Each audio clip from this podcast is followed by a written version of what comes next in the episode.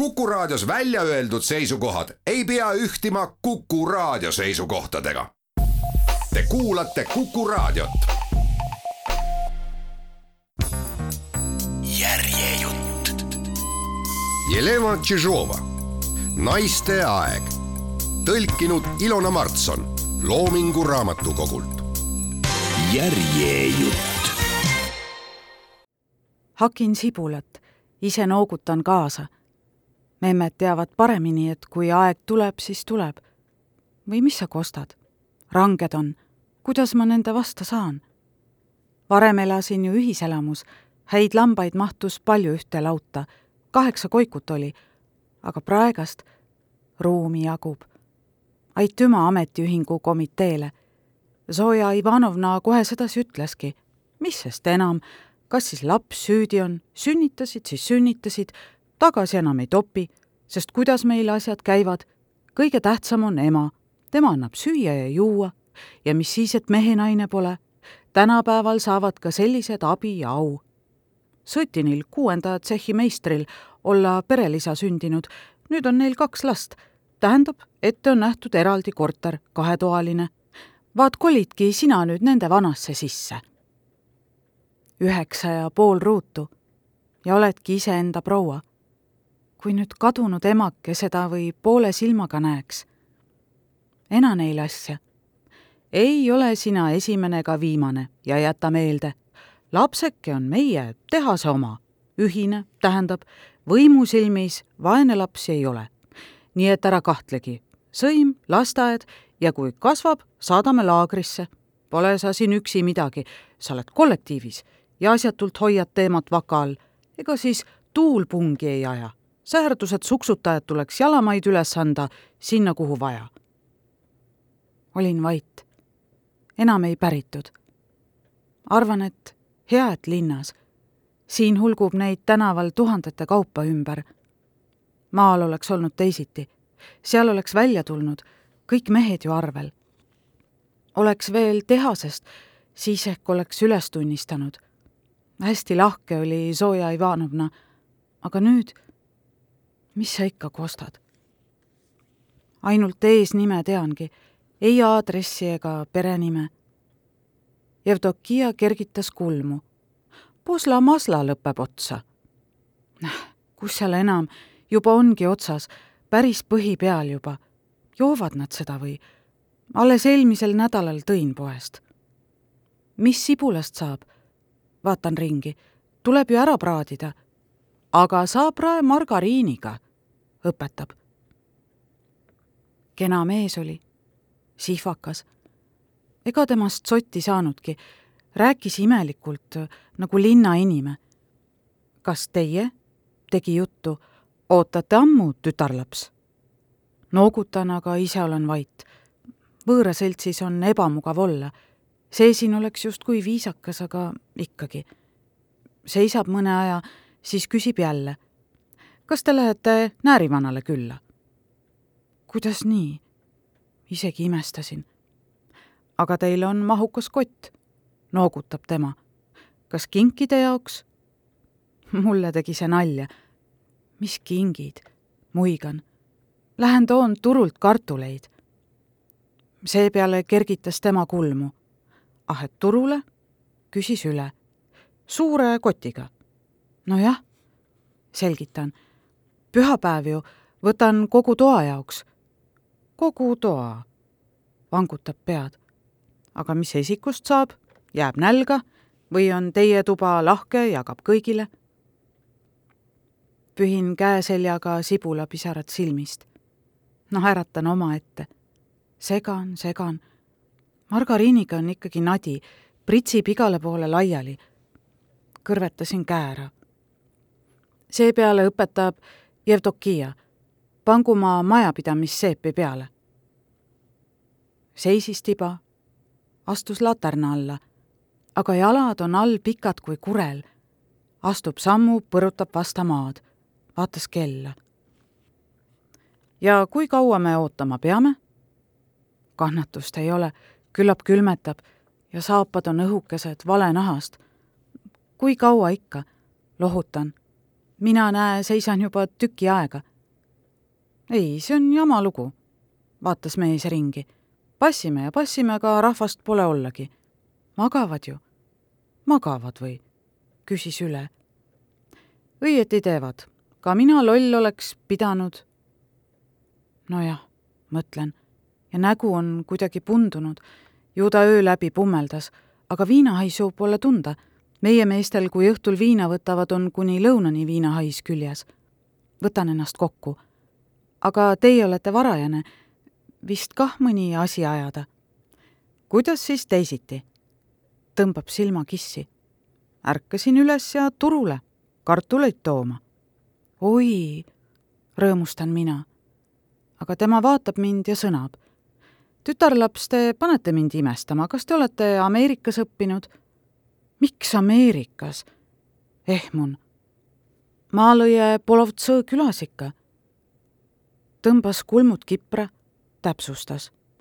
kas meie omas Nõukogude külas? ja ei mäletagi kõige tähtsamat, ma lähen sinna, kuhu kollektiiv. mis kollektiiv? olin päris sassis. aga mina ja teie naerab mees. peatusesse kogunenud kodanikud, kujunenud olukorras teen ettepaneku võtta takso. tõi mind enda poole. korter on suur, avar. aga kus kõik on? küsin. kõik on suvilas, vastab. see tähendab, esivanemad on. kuidamoodi nad suvilas on, mõtlen, talv ju. vaatan ringi. aga kus siis naabrid on? paraku, laiutab mees käsi, ei ole meil seda head asja. elame nagu kommunismis. astusin sisse. tõsi jutt, elasidki jõukalt. kirjutuslaud, seina ääres raamaturiiulid, diivani kohal habemega vanamees, kootud kampsik seljas, ripub, raam ümber. aga kes see on? tja, lõi mees käega, on siin üks äkisti kah mõni esivanem, jagan ära või sa parra järgi aru saad. istusime maha, ta keetis kohvi. tassid olid õhukesed, valged, isegi rüübata oli hirm, et tassi kõrvi jumala eest ära ei murduks. pane suhkrut, nihutab lähemale. kaks lusikat panin, ikka oli viha. eks must ole rohkem kohvisõpradele, selgitas ta tuleb ära proovida, sa ära kurvasta, küll harjud. neelas lonksu, lükkas kõrvale. vist polnud ise ka harjunud. ega me veini ei joonud, aga ma olin justkui purjus. kuulasin tema häält. ega teagi, kuidas sedasi läks. nagu aru oleks korraks üles öelnud. tõmban sahtli lahti, võtan taldriku. nüüd tuleb porgandit riivida sibulaina praeb, praeb. lülitasin pliidi välja. käsi ju tuikab. Keerasin vee lahti, lükkasin kraani alla. nädala sees kutsus kinno. mul oli hea meel kohe. olin meie tehase plikadele kade, nood käisid aina kohtamas. minu juurde ei saa, selgitas mees. esivanemad tulid suvilast tulema, kuulasid raadiost isu täis. ise kuidagi mossis Läheme kinno, aga seal jookseb komöödia Karnevaliöö. Väga hea, ütlen. meie omadele puha meeldis. kehitas õlgu. tuleme kinost välja. minul on hea tuju, aga tema on tume kui kõuepilv. mis, kas ei meeldinud? panen imeks. mulle väga meeldis. me ei võiks kah sedasi. hea elu on neil, nagu muinasjutus. muinasjutud on läbi, muigab Ungari kohta kuulsid? Mis Ungari? kas selle, mis televiisoris oli? tean küll. poliittunnis räägiti, et vaenulik element, olla meie vasta miskit sepitsenud ja miks nad küll rahus elatud ei saa? vaatan otsa, tal suu tõmbleb, nagu oleks piitsaga kõrvetanud. silmad tuhmid, ei elus ega surnud, nagu kalal. lõi käega, läks ära, jookseks järele aga seisan paigal. Sedasi seisingi, kuni silmist kadus. oi jah, meelest läks, tegin ju teile paastusuhkrut. see neile maitseb, värviline tükisuhkur, ise tehtud, immutad moosiga läbi, see seisab, tõmbab ära, nii kui karamell kohe. ta on noaga lahti, las nokivad. tükisuhkruga läheb alati nii, et sa jumala eest peenikest suhkrut ei paku. suhkrutangid on väikesed, läikivad, vanaaegsed. tänapäeval selliseid pole, lõhuvad raginal peeneks. memmed võtavad tükikaupa ja pistavad suhu, rüüpavad peale ja imevad. varem arvasin, et hoiavad kokku. kas ma siis suhkrut ostetud ei saa? ei, vastasid sedasi olla maitsvam.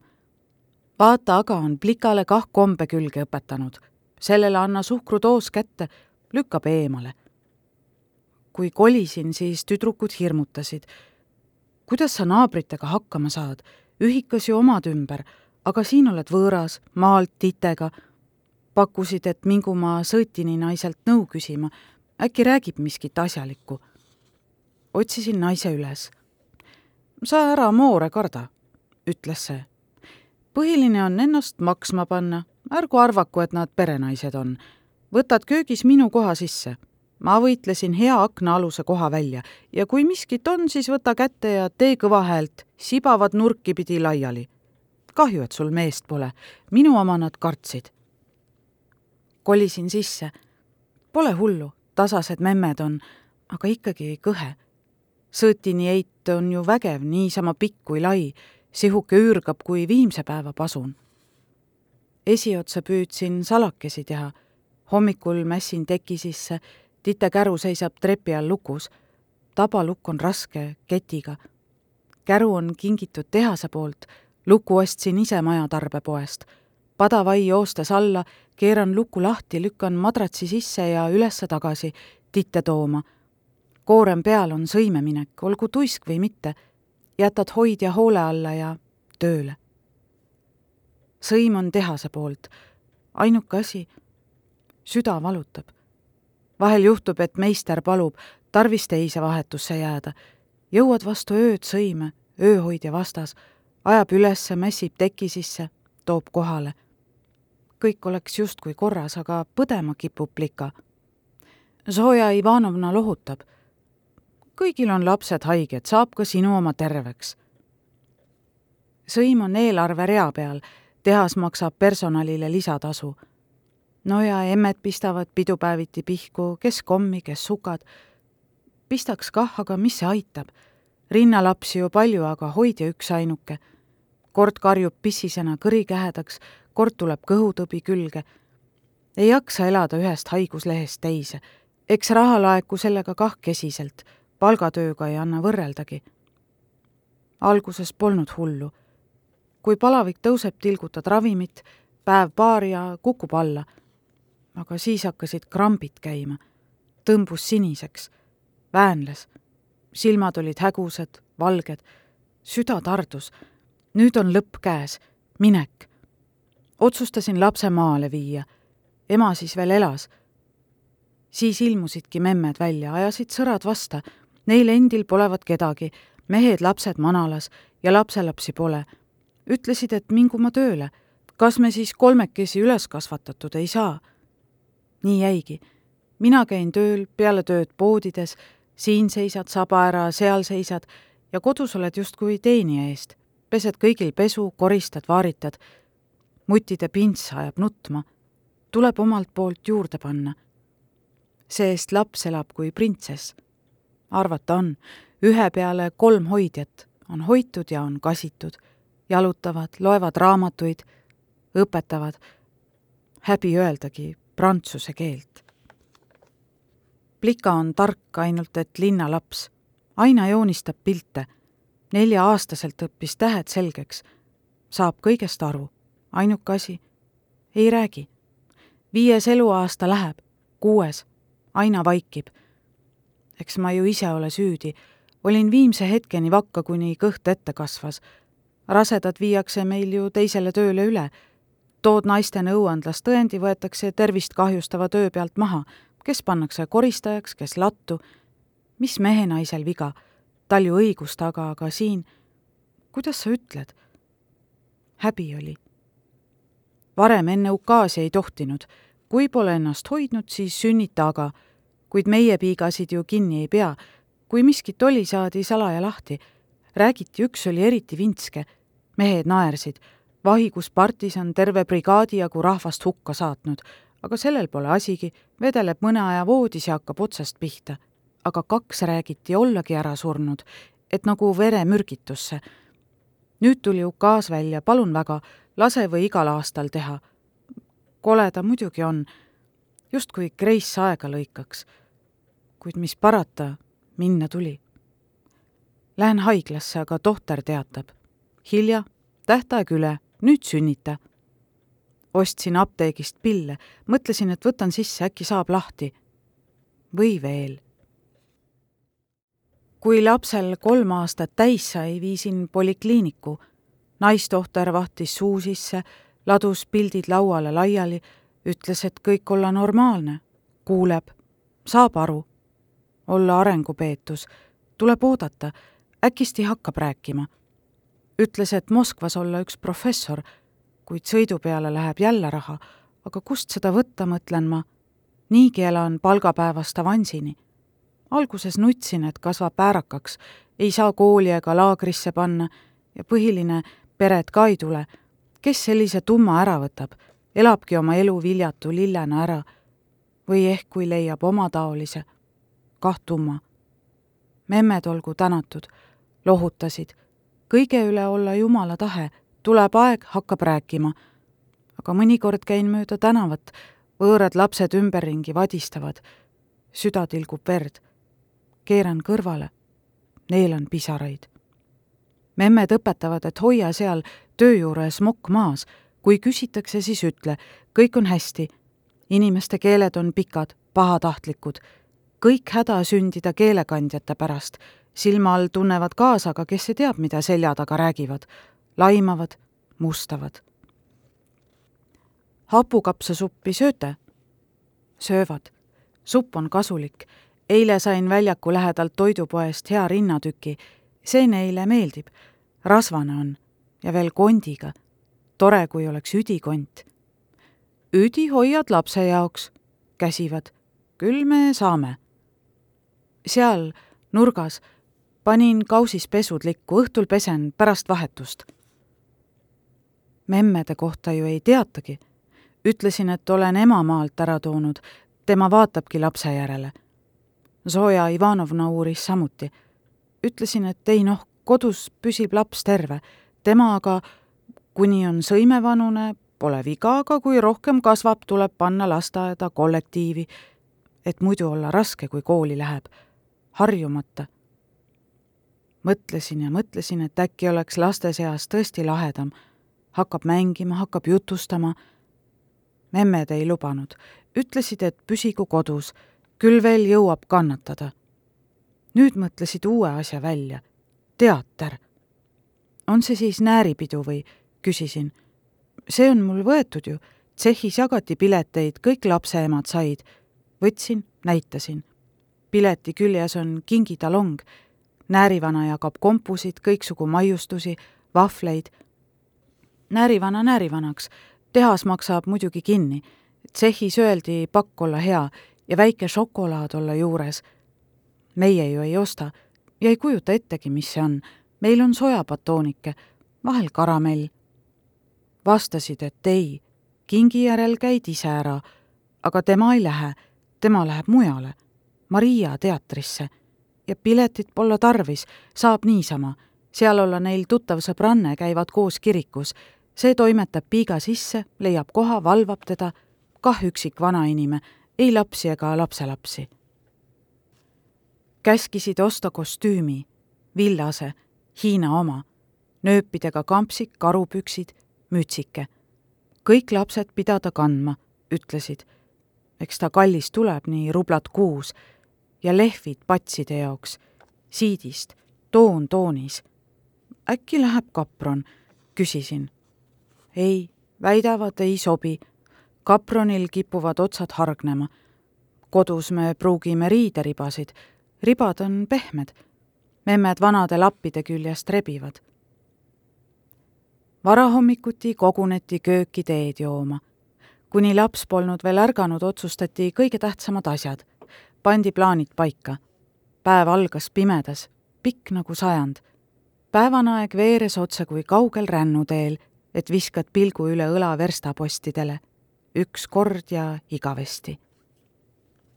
kell üheksa äratus riidesse, pessu. kell kümme tuleb raadiost muinasjutt, kell kaks on lõuna. lõuna järel unetund, magad või mitte, aga pikali olla tuleb. Verstapostide vahel õiendati asju olenevalt ilmast. jalutuskäik oli kõige tähtsam. siinkohal aeg ei tõtanud, allus aastaringile nagu külaelus kevadeti käidi Lõvisilla juures skvääril pargid on kevadel sopased, need suletakse, kuni ära kuivavad. Nikolai pargis käidi sügisel. kirikaia juures tammede all leidub palju tõrusid. oktoobris langesid alla vahtralehed. kõnnid ringi, sahistad lehtedega. oktoobripühadeks sajab maha esimene lumi. talviti käidi veel Nikolai kiriku juures või sõduriaias. Liumägi on kõrge lapsed libisevad kordamööda alla, kes niisama, kes kelguga. kelk on ju olemas, hea kelk, vanaaegne. aga oma tüdrukut nad sinna eriti ei lubanud. ka jalutama pandi kõrvalteedele, inimestest eemale. võõraste lastega oli häda. Oi, kas teie tüdruk on tumm?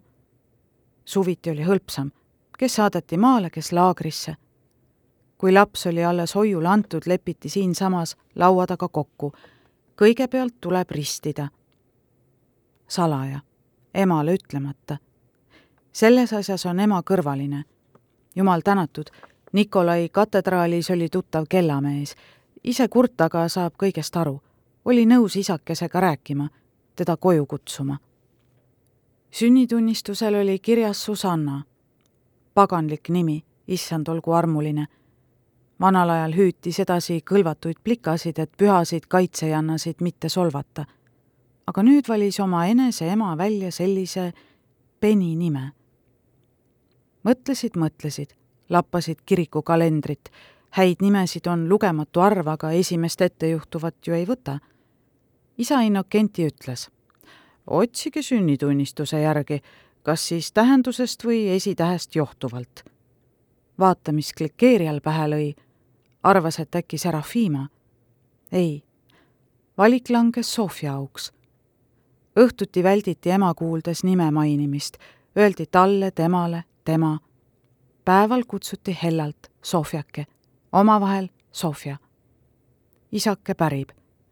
Äkki on teie seas keegi Vera, Ljubov või Nadežda? oleks tulus ristiemaks võtta, saaks üheskoos nimepäeva tähistada. ei ole vangutati päid. ei ole armastust, lootust, usku. kuniks aru peeti, oleks ääre pealt tülli pööratud. ristiema olgu muidugi üks, tema vastutab Jumala ees, kuid kui ristiema on oma, kas siis teised on võõrad või mis? Isa Innokenti lepitas ära.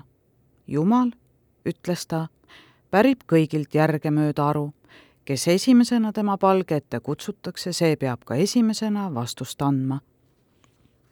nuta või naera, kukkusid tõbesid võrdlema, kellel olla südahaige, kellel jalad vaevu kannavad. ega inimene tea, palju talle on aega antud, ütles isa Innokenti. Juhtub, et issand kutsub ära noored ja terved, aga vanu ja haigeid ei puutu. kus siis meie tema kavatsusi teada võime jäädi nõusse. meenusid noored ja terved, eneste omad. Jevdokia Timofejevnal oli alles ristimissärk. oli ei tea, mis ajast kummutis tallel olnud, Vassili, vanema poja oma. Sel kondidki juba kõdu taga, särk veel elus. riie on õhuke, kaalutu, inglirüü ainult et pitsid on kortsu kuivanud nagu välja pudenenud suled pojapojal ei läinud tarvis. poeg ja minija keelasid ära, neil olla oma usk. pojast kasvas ülemus. ega siis mina pole selline kui praegused, praalis ta. mina olen kodusõjast saati bolševike poolel püsinud. Salaja ristida Jevdokia kartis, ei tahtnud noorte elu ära rikkuda. meie ehitame uut elu, aga mida teie, mammi, plaanite? tahate tagasikäigult tsaariaega lohistada? see justkui tagasitee, aga tagasiteed ei ole. Teie usk, see on oopium. kus nüüd mõtlesid välja? oopium on ju apteegis müügil. seda kirjutatakse valude vastu välja. ja Mini ajab kah sama juttu. Et vaadake ringi, mammi. ajasin vastu, et mul juba hilja ringi vaadata, vaadaku ise ringi. Teie hakkate seda elu elama. ei nad jõudnud ringigi vaadata, kui järele tuldi. nii nad oma kommunismis otsa leidsidki. aitüma, et pojapoega ära ei viidud. selle võttis teine vanaema omale möödus kaks kuud. vastu kolmainupüha läksin neid vaatama. Valisin hetke, kui poiss hoovi peal ringi tatsas. tegin juttu, et läheks või kahekesi, muidu ei kasva risti inimesena üles. see ju patt missugune. too aga ehmus. mis sa ajad, mis sa ajad, kui teada saavad, on kõpsti kohal, pistavad lastekodusse, saab seal hukka. sõitsid poisiga evakuatsiooni luuga all pommitati sodiks. tähendab, teine vanaema kutsuti esimesena tema palge ette. tema asi on siis ka vastust anda. ristimissärk seati valmis, pesti puhtaks, pitsid ju haprad, laotati rätikule laiali. kuniks pesti läksid justkui valgemaks, aga kui ära kuivasid, siis säh sulle, jälle kollased. peaks läbi keetma, aga lõid põnnama särgi elu saab otsa, pudeneb käte vahel laiali. Vee ajasid enne soojaks. isake ütleb, no otsustage ära ja pange tüdruk riidesse. toodi särk, tõmmati Sofjakesele selga. nii nagu ta seal seisis, nii Evdokia nägu kivines. oli tal siis kerge oma imikust poega üles tõusnuna näha. hiljem polnud hullu, sai enesest võitu ütles vaid, et tema ei tohi ristiema olla. Nii kui kleidikest vaatan, nii tõmbub hing tumedaks. parem siis juba sina, Ariadna. sul kõik jumal tänatud korras, mehe võttis esimene ilmasõda, poja teine, minija ja lapselapsed võttis blokaad, kõik nagu inimestel. mismoodi siis nagu inimestel, kui nad on auku aetud? las parem klikeerija olla, tema pole sünnitanud tema krahv, laulatamata mees, pani revolutsiooni eest plehku. äkki elab veel praegugi, kes seda teab? Olgu pealegi, otsustasid ära. Ariadna teab paremini. Pole mõtet tema harituga vaielda. noorest peast on isegi väljamaal elanud. klikeerija on ristiemaks, kaks ülejäänut tümisevad isakesega kaasa. laulge vaiksemalt, et keegi ei kuuleks, ütleb isa Innokenti kes siin ikka kuuleb, pole ju kedagi.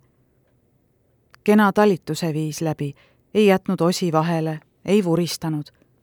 Sofjake tark pea vidutab silmi, kuulab erksalt, justkui saaks aru. ainult ühe korra puhkes nutma, kui klikeerija kurjadest vaimudest lahti ütles. Jevdokia vaatas Ariadnale otsa, nagu noaga oleks susanud. istuti teed jooma. isake naeratab tunnistab, et on meeletu teesõber, mis seal pattu salata. meeldib hinge hellitada, tükk suhkrut kõrvale krõbistada. Meenutati samovare, kuhu ämbritäis sisse läks. pliidi peal pole see, keeduvesi saab hõre, maitsetu. samovaris keeb vesi tihedalt. vaadake siis armulaua aeg, ütleb isake, nagu paremini passib. Pole viga, vastame, küll me saame nüüd ilmake on ilus, pakaseline, kuiv. Läheb veidi soojemaks, siis just paras aeg kõndima minna. vaadati õue, valgemast valge, aga kojameest ei paista kusagilt. vanasti tuli see ju vahel enne Koitu juba labidaga. tänapäeva kojamehed on vedelvorstid valmis. istuti, meenutati vanu aegu. Ariadnale meenusid kohustused esimesena tatsas panipaika kuivi sukki tooma.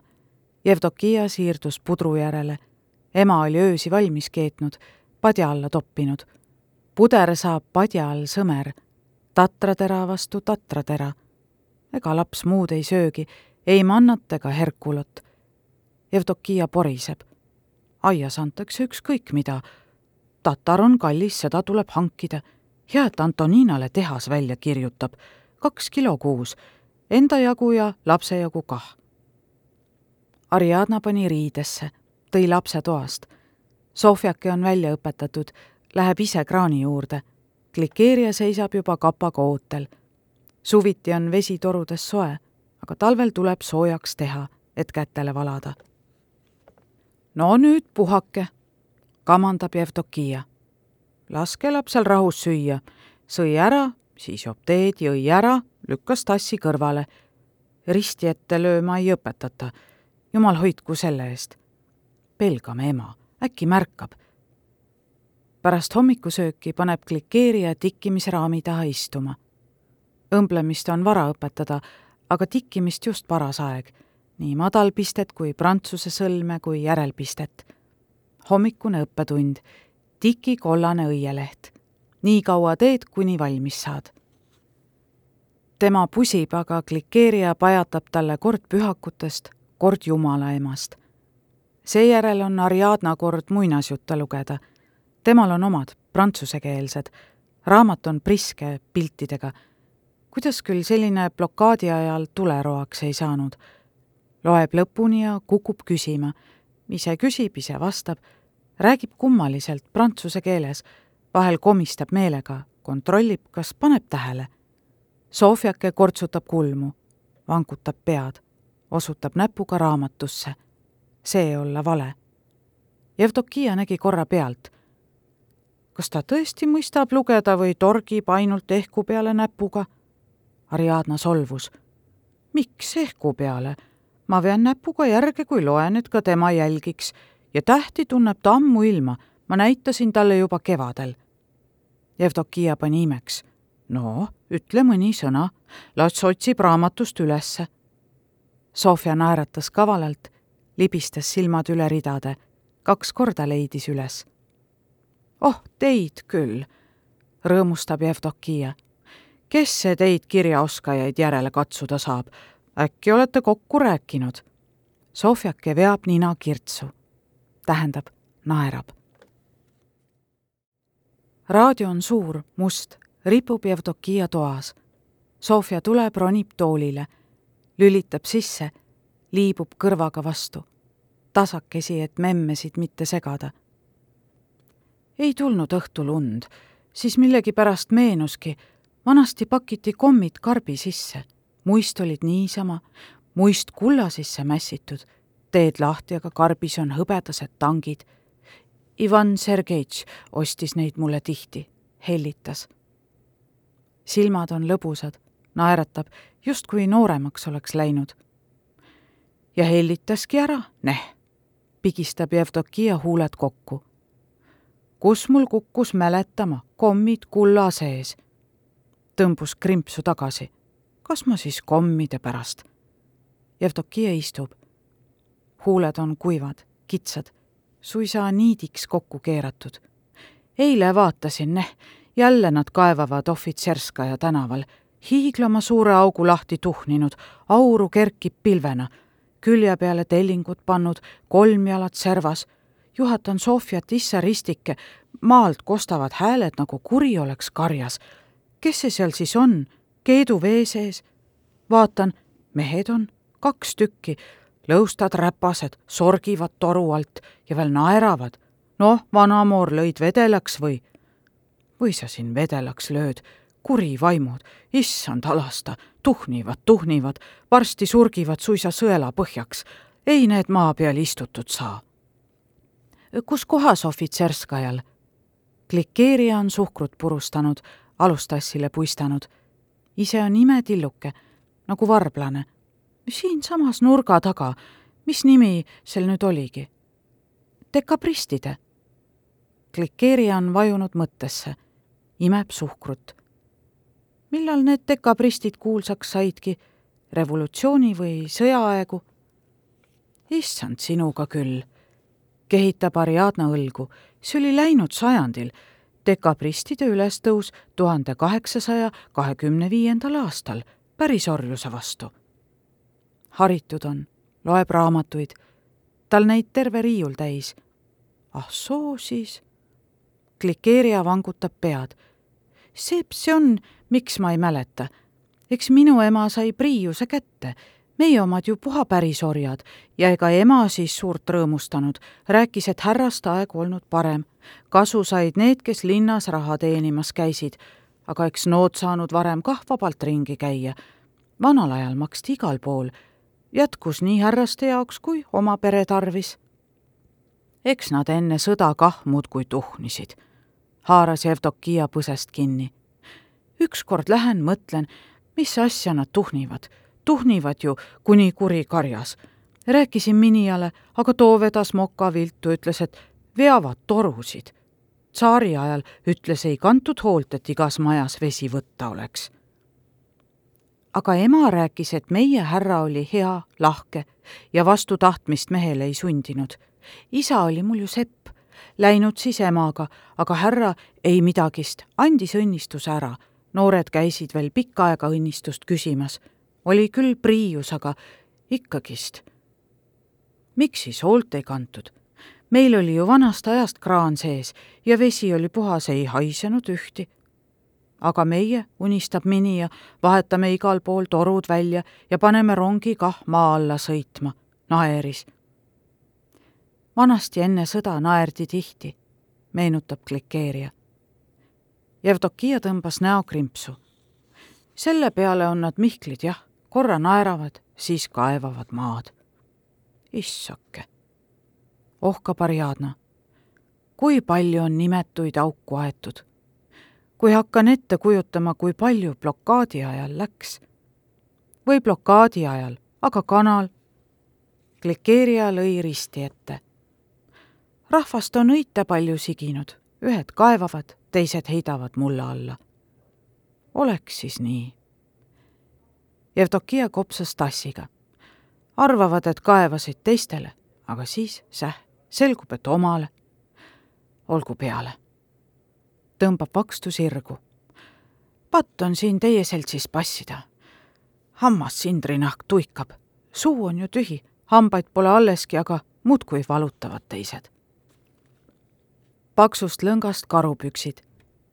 klikeerija on vana kampsuni üles harutanud püksid topeltlõngaga kudunud, valged kalossidega vildid. nüüdsel ajal vilditakse musti. põlvest painduma ei anna, astud nagu kolvi sees. mütsi alla käib puuvillane rätik, seovad kinni, pärivad ega ei kisu. palitu on uus, soe. Jevdokia keeras enda omal riide teistpidi, trapp kaks kihti vatiini all. Endal on tal teine palitu veel, tema elupäeviks piisab Lähme Nikolause kirikusse. sidus räti pähe, peitis otsad ära. ärge kelku andke, saame omil jalul käidud. Ariadna suleb ukse. kui mööda lähete, pange tähele, ega ei ole kuuskesid toodud. trepp on lai, lauge. igas trepi vahes kaks korterit.